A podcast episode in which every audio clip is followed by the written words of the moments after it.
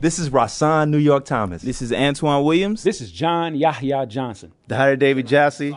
And this is Rashid Zinnerman. And, And we are the guys from Air Hustle. You and are you're now listening listening to to Rover Radio. Radio. Damn it. Damn it, Jim. I can't do this. Norwegian radio. Rover Radion. Rover radio. Jeg tror jeg har fått øye på de mistenkte. Er over. Hva ser du? Over. De har gått inn en dør. De slår på noe som ser ut som en eh, maskin. Nå går vi bort til et høyt bord med noen svarte ting. Kan se ut som et våpen. Over. Vent. Får videre instruks. Over. Nei, vent! Det kommer på en rød lampe. Over. Røverradioen. Norsk fengselsradio. Vanligvis når man hører om fengsel i USA, er det triste historier om uverdige og beinharde forhold. I dag på Røverradioen skal vi ta deg med inn bak murene til et eventyr innenfor amerikansk kriminalomsorg. Mitt navn er Mikael, og jeg står her med Ole på innsiden av Oslo fengsel. Det stemmer. Ja. Ja. Men vi som, vi, som, vi som er straffedømte, Ole, Ja. uh, vi har ikke lov til å dra til USA. Gud vet jeg har prøvd, men uh, Du kan, altså. Det er Ja, ja, men det, falsk bas, tunnel fra Mexico til USA, ikke sant. Det er jo i havet muligheter, da. Hvis du er kreativ, ikke sant.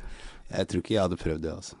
Skrive sånn feil. Nei, jeg er ikke straffedømt, og så kommer jeg dit, og så La Guardia flyplass, og så sender de meg tilbake.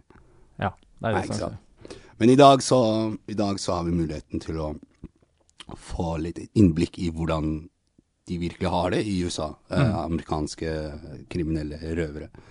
Så i dag skal vi høre om hvordan det gikk da ansvarlig redaktør Mina Hajan, eh, redaktør Martine Rand og daglig leder Knut Erik Vold besøkte vår broderredaksjon, podkasten Air Hustle i San Quentin State Prison.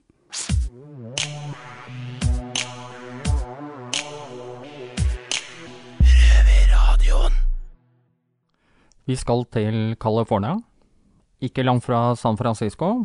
Her har en liten gruppe mennesker laget amerikansk historie ved å produsere og sende ut en podkast om livet på innsiden av et amerikansk fengsel, eller i et amerikansk fengsel. da. Mm. Som alle på utsiden kan høre.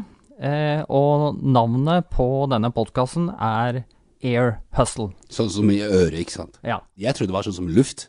Skal du prøve å selge meg luft, tenkte jeg. Eh, nei, altså det, Jeg vet ikke hva man skal, eh, hva man skal oversette 'hustle' med direkte til, til norsk, da. Men eh, på et eller annet vis så skal det påvirke deg, i hvert fall. Det, det er helt åpenbart. You're now tuned in to San Quentin's Ear Hustle from Radiotopia.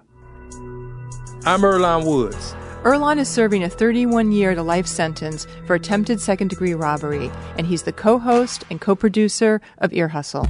And that's Nigel Poor. She's a visual artist and works with incarcerated men here at San Quentin. And she's the co producer and my co host. And together, we're going to take you inside.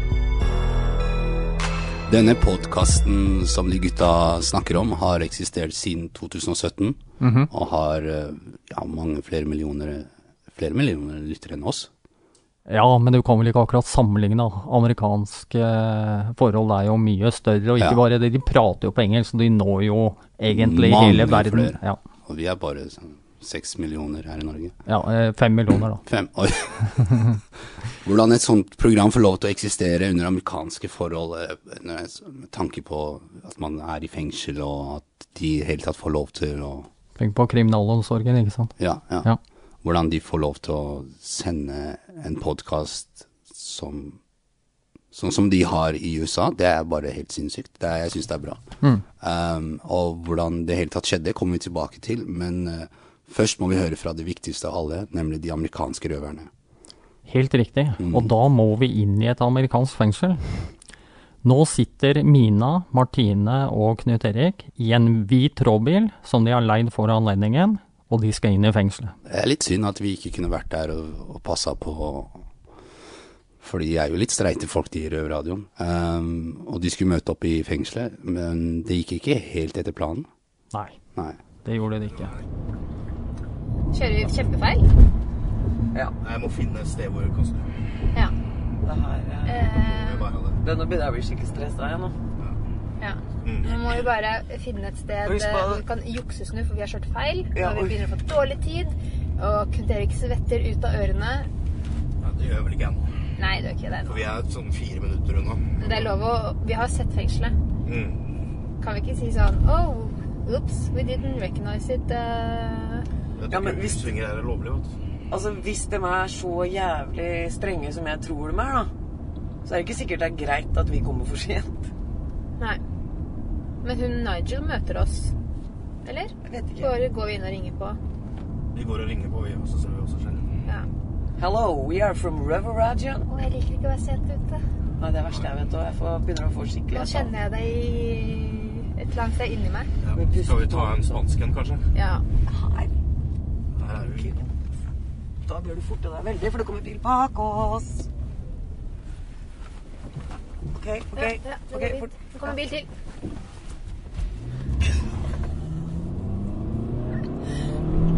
Ikke sett oss i fengsel for dette! Det er 35 her litt, vet du. Jeg kommer opp på 35. Ja, ja, ja. OK, er det lov å kjøre til venstre her, da? Det er ikke lov å ha U-sving. For det, det, det er sikkert drapsforsøk, det, vet du, å ta U-sving i stedet ikke er lov å ta U-sving. Å, gud. Ja, ja, jeg mener det. Jeg er så glad jeg ikke kjører. Ja, ja. Ja, det kan det være nå. Jeg bare Så vi så det jo fra en avstand, Ja. St. Quentin, og det så jo et sjukt svært ut. Og det Jeg har sikkert sett det i en million filmer. We're not from around here. Ja, det driter dem greit i seg. Ja. You have to learn the rules of the country. We're in the United States, shit. United States of America, det er klart. Ok, nå nærmer vi oss fryktelig her. Ja, vi må først komme inn på riktig vei, da. 55. Det er fem minutter til vi skal være i fengselet. Vi skal kjøre på neste. Nei, St. Quentin, last Marine County exit. Next exit. Men helvete, da. Hvor skal vi nå? Skal du St. Quentin? Ja, ja, men nå kjører vi gjennom et nydelig boligstrekk. Se på det fine huset der, da. Ja, det er jo fine leiligheter som ligger rundt Oslo fengsel. nå, Det er- sant. Der bor jeg. Så jeg tror vel aldri fengsel på en måte har stoppa det.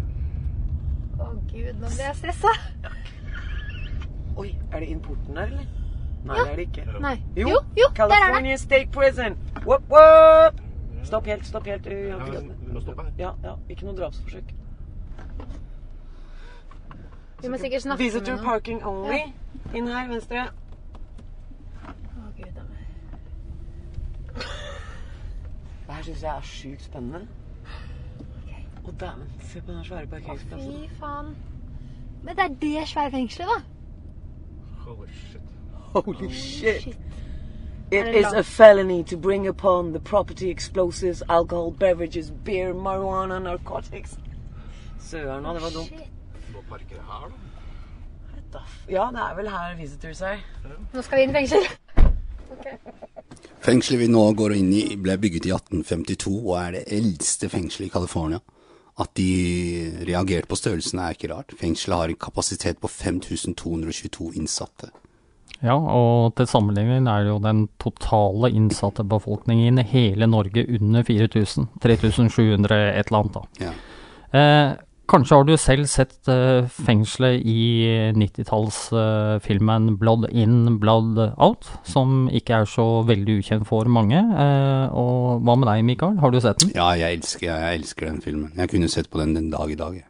Hva husker du spesielt, eller eh, Jeg, jeg har fått lære at de statistene som var med i den filmen, Jaha. de var jo de var innsatte fra fengselet.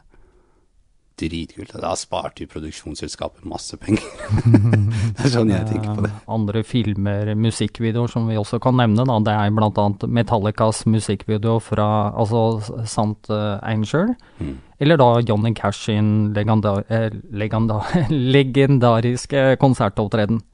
Fengselet har jo som kjent en egen avdeling for de som er dømt til dødsstraff, og her har blant annet litt kjente kriminelle, de aller mest kjente kriminelle, som eksempel Charles Manson, mm. de eh, som tilhører landslaget da innen kriminalitet da. Å, fy faen. Ja. Og eh, ja.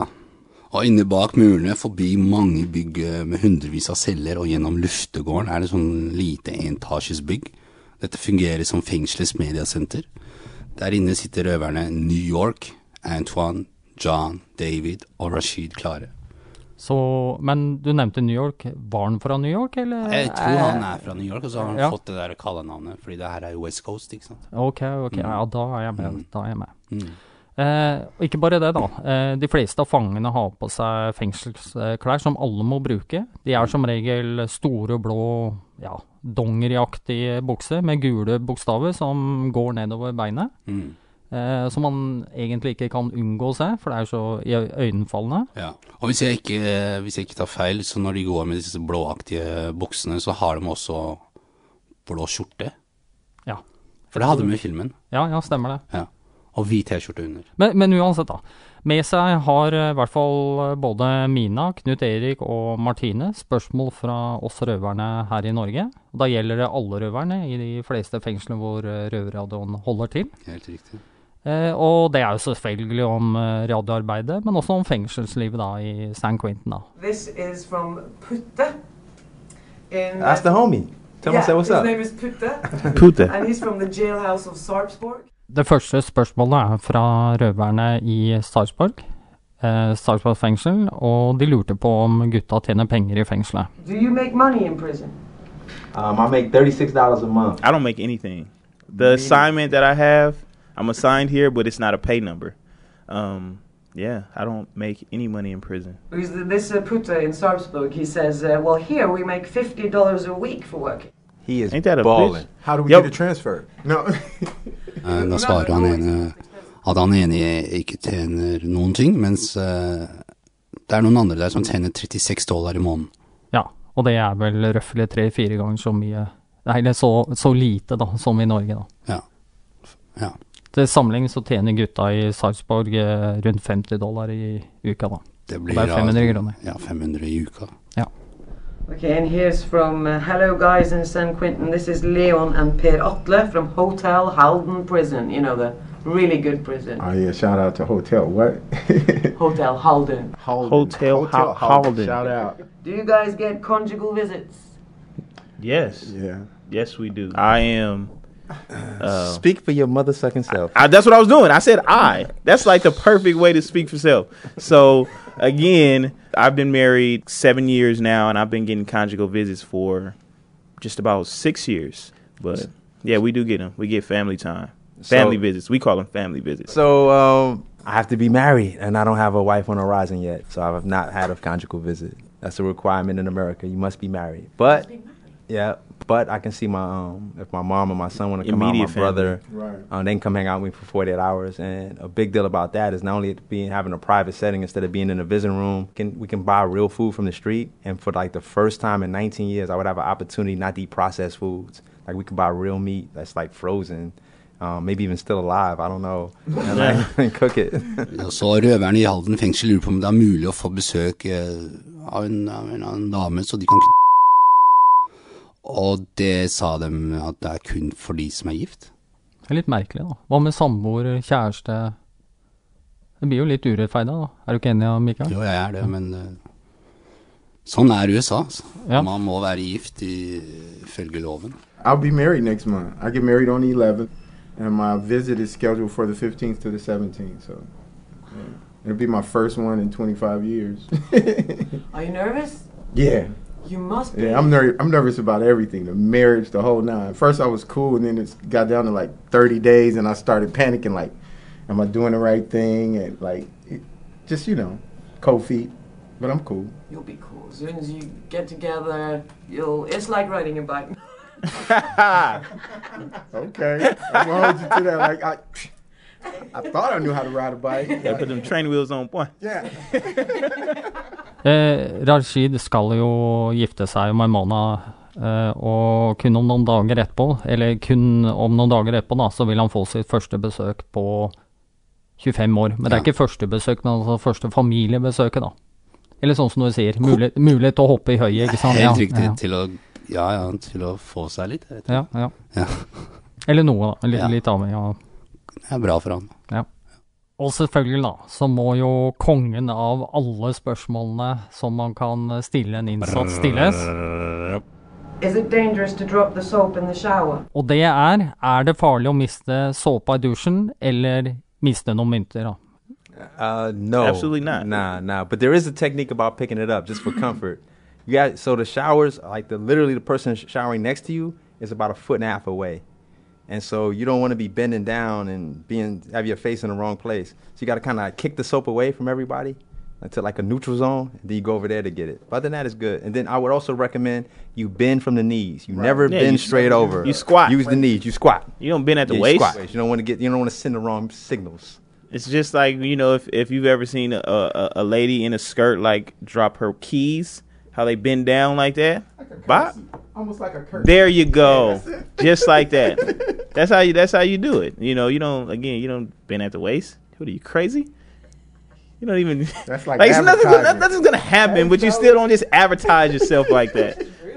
Yeah, and it's rude. Yeah, you know what I'm saying? It's Og, like det I her, mean, og her sier en av gutta at den, de, har en, de har en veldig spesiell teknikk. Det, det, de sparker den litt sånn bort, fordi de er, de er flere, gutter, flere karer som dusjer sammen. Ja. Her dusjer vi bare én og én. Ja, og det, det er stor forskjell på et fengsel i Norge og Amerika. Her Mm. i Norge så har vi mulighet til å dusje privat. Ikke bare mulighet, det er, Mm. eh, Det er- sånn det er det bare. være sånn, ja.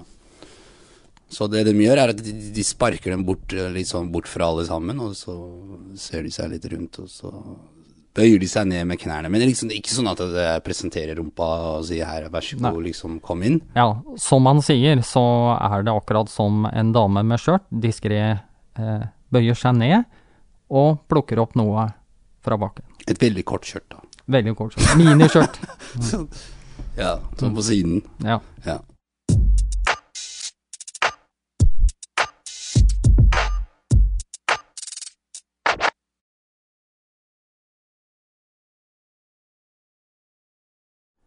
Men hva slags fengsel er egentlig San Quentin? Oh, yeah, yeah. Who would ever thought? Mannen som kan svare på dette, har en særegen og perlende latter. Inspektør Sam Robinson. So I'm Lieutenant Sam Robinson, the Public Information Officer at San Quentin State Prison. Um, I've been employed at San Quentin for 23 years. Um, I began my career as an officer, um, worked my way up through the ranks to sergeant and lieutenant. Um, spent 10 years on death row uh, during my time here, and I've been working as the Public Information Officer, or the spokes- spokesperson, for 12 years now. What kind of prison is San Quentin? San Quentin is multifaceted. Um, we have three different missions. Um, our first mission is uh, we house death row. Uh, then we have a very robust general population, which are the people who uh, essentially are assigned here to San Quentin. This is where they live, and then we're what we call a reception center as well. And so we are we are a prison unlike any other here in the state of California, uh, in that we have three very different, unique things that we do. Sam forteller at eh, San Quentin er et veldig spesielt sted, med tanke på at de har dødsstraffanger, vanlige innsatte og mennesker som er i varetekt. What's the inmates' daily routine here?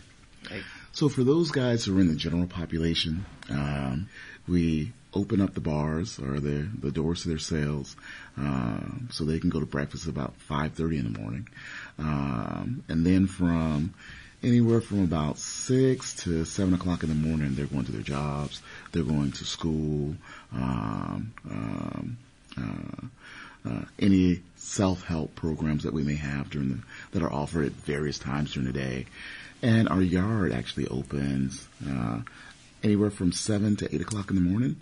Uh, for those guys who are on this is their day off or um, they're not assigned to anything yet, um, uh, the yard opens between seven and eight, and they can recreate on the yard until uh, up to about three thirty in the afternoon.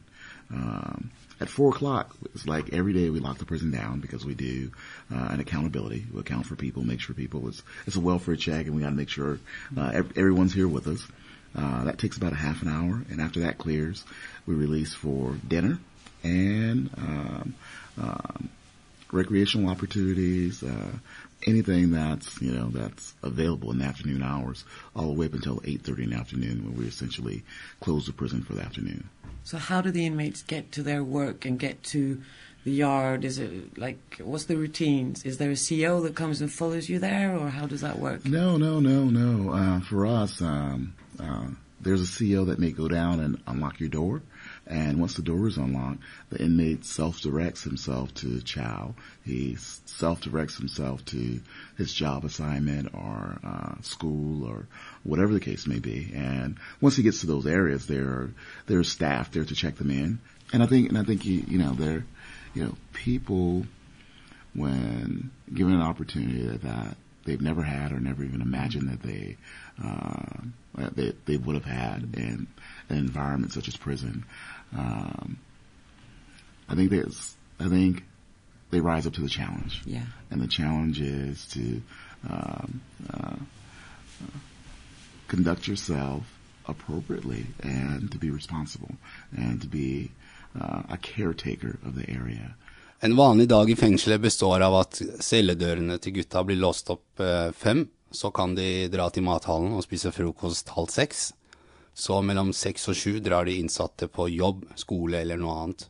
Halv ni, det, halv ni, på kvelden er det tidspunktet de må være tilbake fra luftegården, og klokka ni på kvelden må de være tilbake på cella.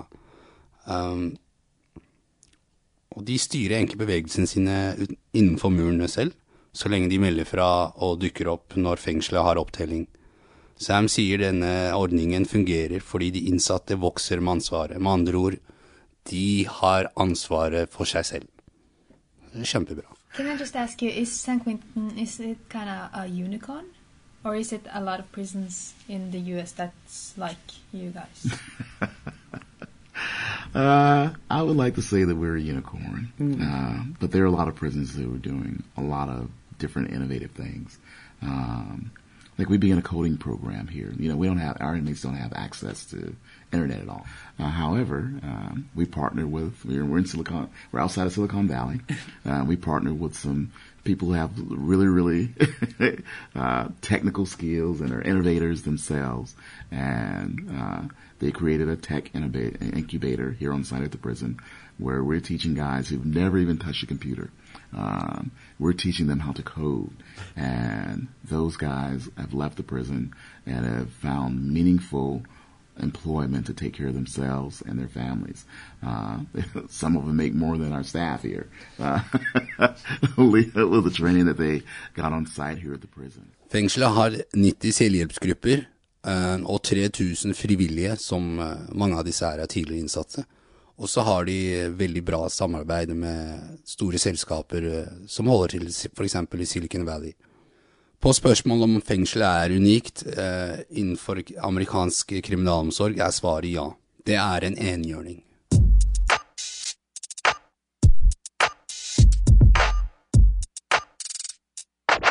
Nå skal vi prate med de som startet det hele, altså startet podkasten. Yeah. I'll let you go. Okay. Uh, my name is Nigel Poor, and I am the uh, co creator, co host, and co producer of Ear Hustle.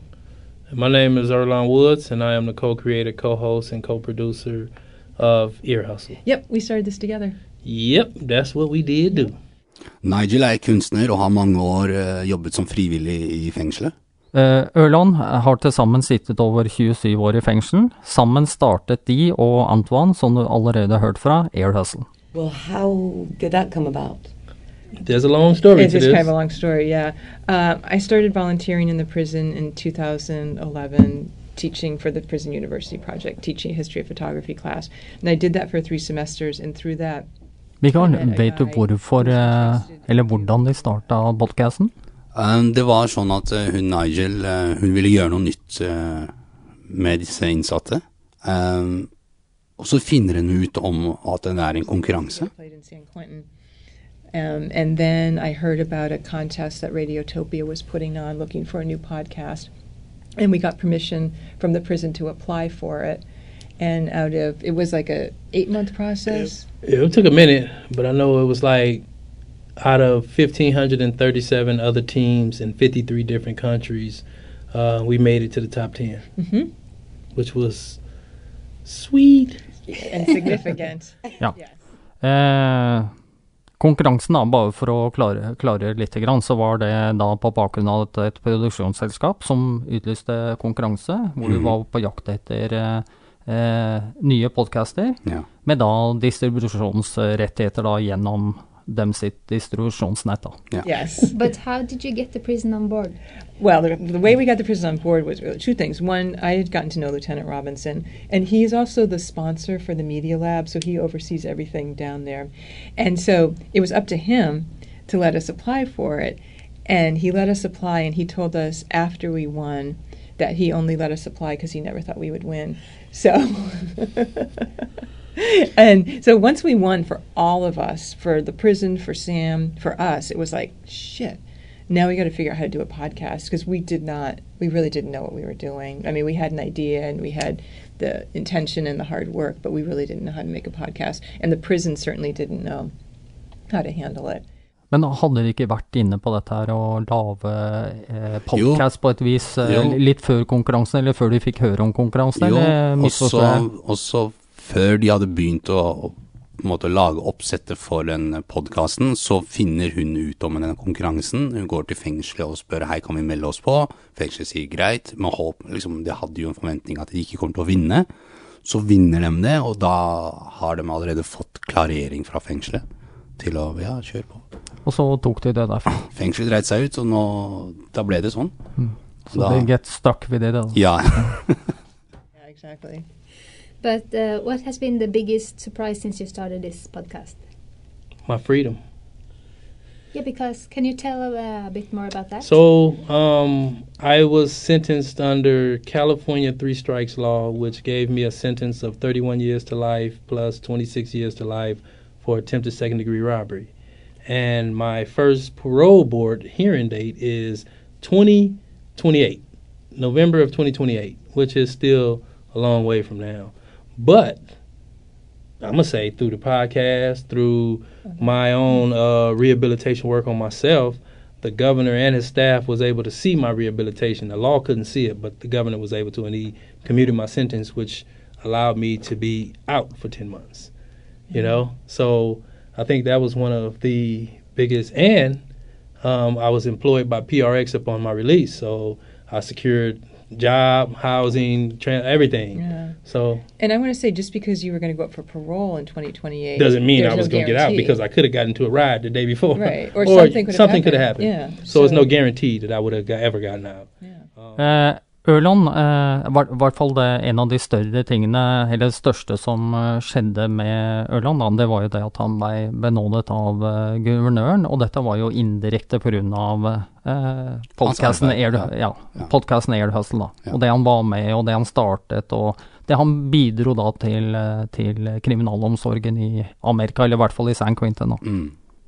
Men det jeg syns det er bra. Han fortjener det. Ja. Vi har spurt Erland hvilken episode som gjorde mest inntrykk på han. Well, um, the biggest, I would say the biggest, we've done a lot. And I have to say, bittersweet. The story we did, it deals with my family. Because um, it was a lot of questions or a lot of answers that came out on stuff that I may not have wanted to ask the question. Because it's so raw and it, it's so hurtful. But just hearing, I, it, it was a story about my brother and his um, kid's mom, and it was about them losing their child to police shooting.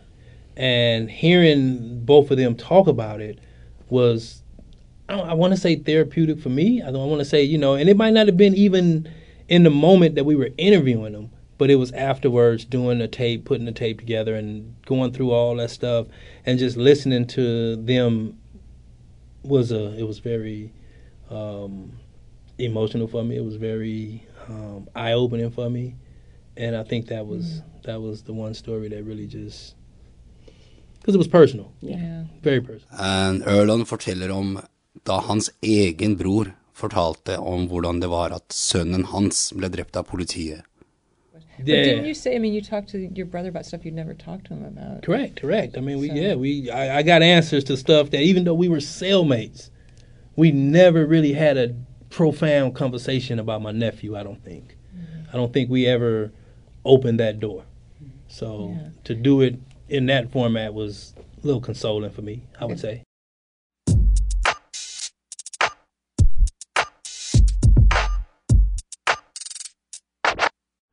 Tilbake til røverne i fengselet og mediasenteret.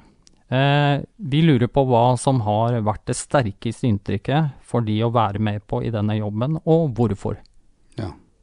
in any given moment, any singular action in my life will mirror or connect me with somebody else. Mm. And because of that connection, like the proximity changes, right? Like we're no longer this far away. It's like, man, you're Mm. just like me, right? And, and one of the things that kind of like comes to mind, like if there was one way to cast the net and to grab millions of stars at once, like that's exactly what it does for me. Antoine forteller her at i ethvert øyeblikk vil enhver handling i hans liv knytte han eller speile han med noen andre, og på grunn av dette vil avstanden forminskes.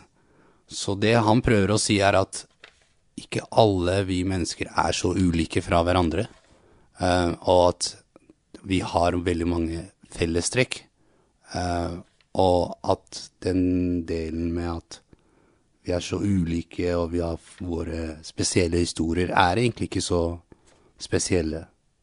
At det er noe som knytter oss sammen. Og det har han lært gjennom Air Hustle. Kloke ord fra en innsatt til uh, en annen.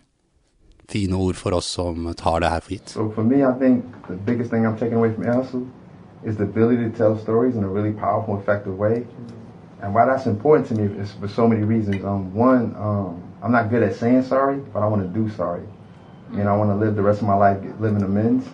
And the way I dream of doing that is do films and do stories that influence good behavior. Uh, I was um, wondering if you guys are thinking that we should know like one thing about air hustle. What would you tell us? we are not in agreement with the word inmate Yeah. because that word it comes with an understanding of a type of person and it has a limit to what you can be and so we like to go with a person who is incarcerated or an incarcerated person Mm. uh, you know we don't portray people to be inmates Mm. we show them as fathers. Exactly. You know, we show them as artists and musicians and producers and uh, you know every other thing. Ear hustle storytelling also comes from a place of empathy. Yeah. You know, as incarcerated people, right, we resonate so much with the people that we interview because we're all together. You know, we all in blue and we see ourselves as a family, right? And so we, somebody said something about the monster earlier. Mm. Even the monster that makes the most horrible crime in that one second of his life, there's a backstory to that situation.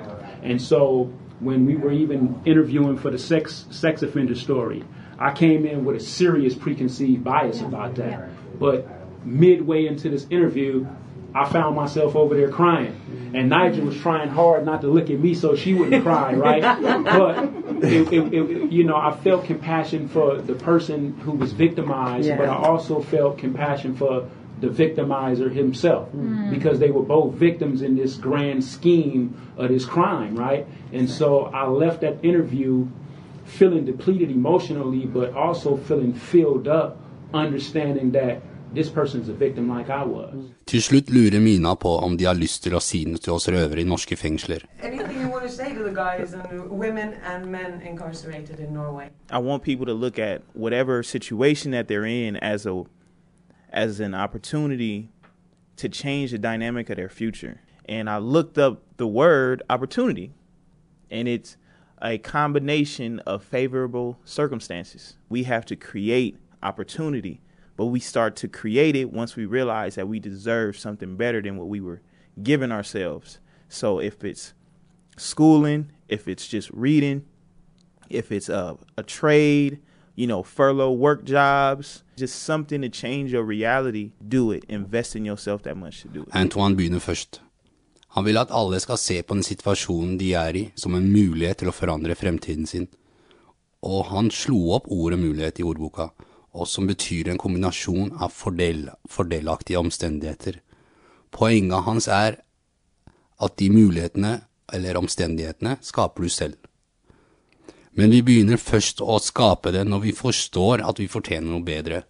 Som om det å gå på skole, jobb eller drive med noe som kan forandre virkeligheten eller hverdagen din. Så det han prøver å si er invester i deg selv. And and I think also um, it's about faith, because you got to prepare for opportunity. Because if opportunity comes and you're not prepared for it, you're gonna miss it. Absolutely. And so one thing about Ear Hustle, they prepared for an opportunity they didn't even know was ever gonna exist.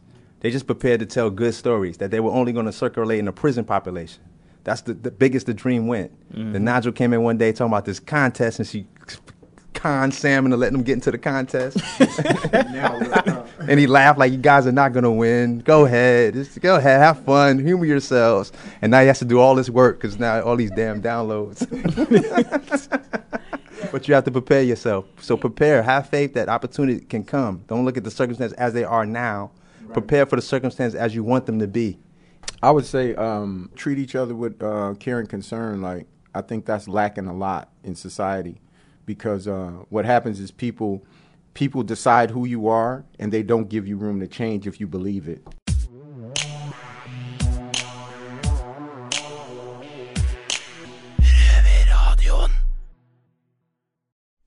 Ja, da var det alt vi hadde her fra Røverradioen i dag. Vi Ja. er tilbake neste uke som vanlig. Som vanlig. Jeg syns det var en ganske bra sending. Jeg har lært mye nytt om amerikanske fengsler og hvordan gutta gjør det der. Ja, absolutt. Ja.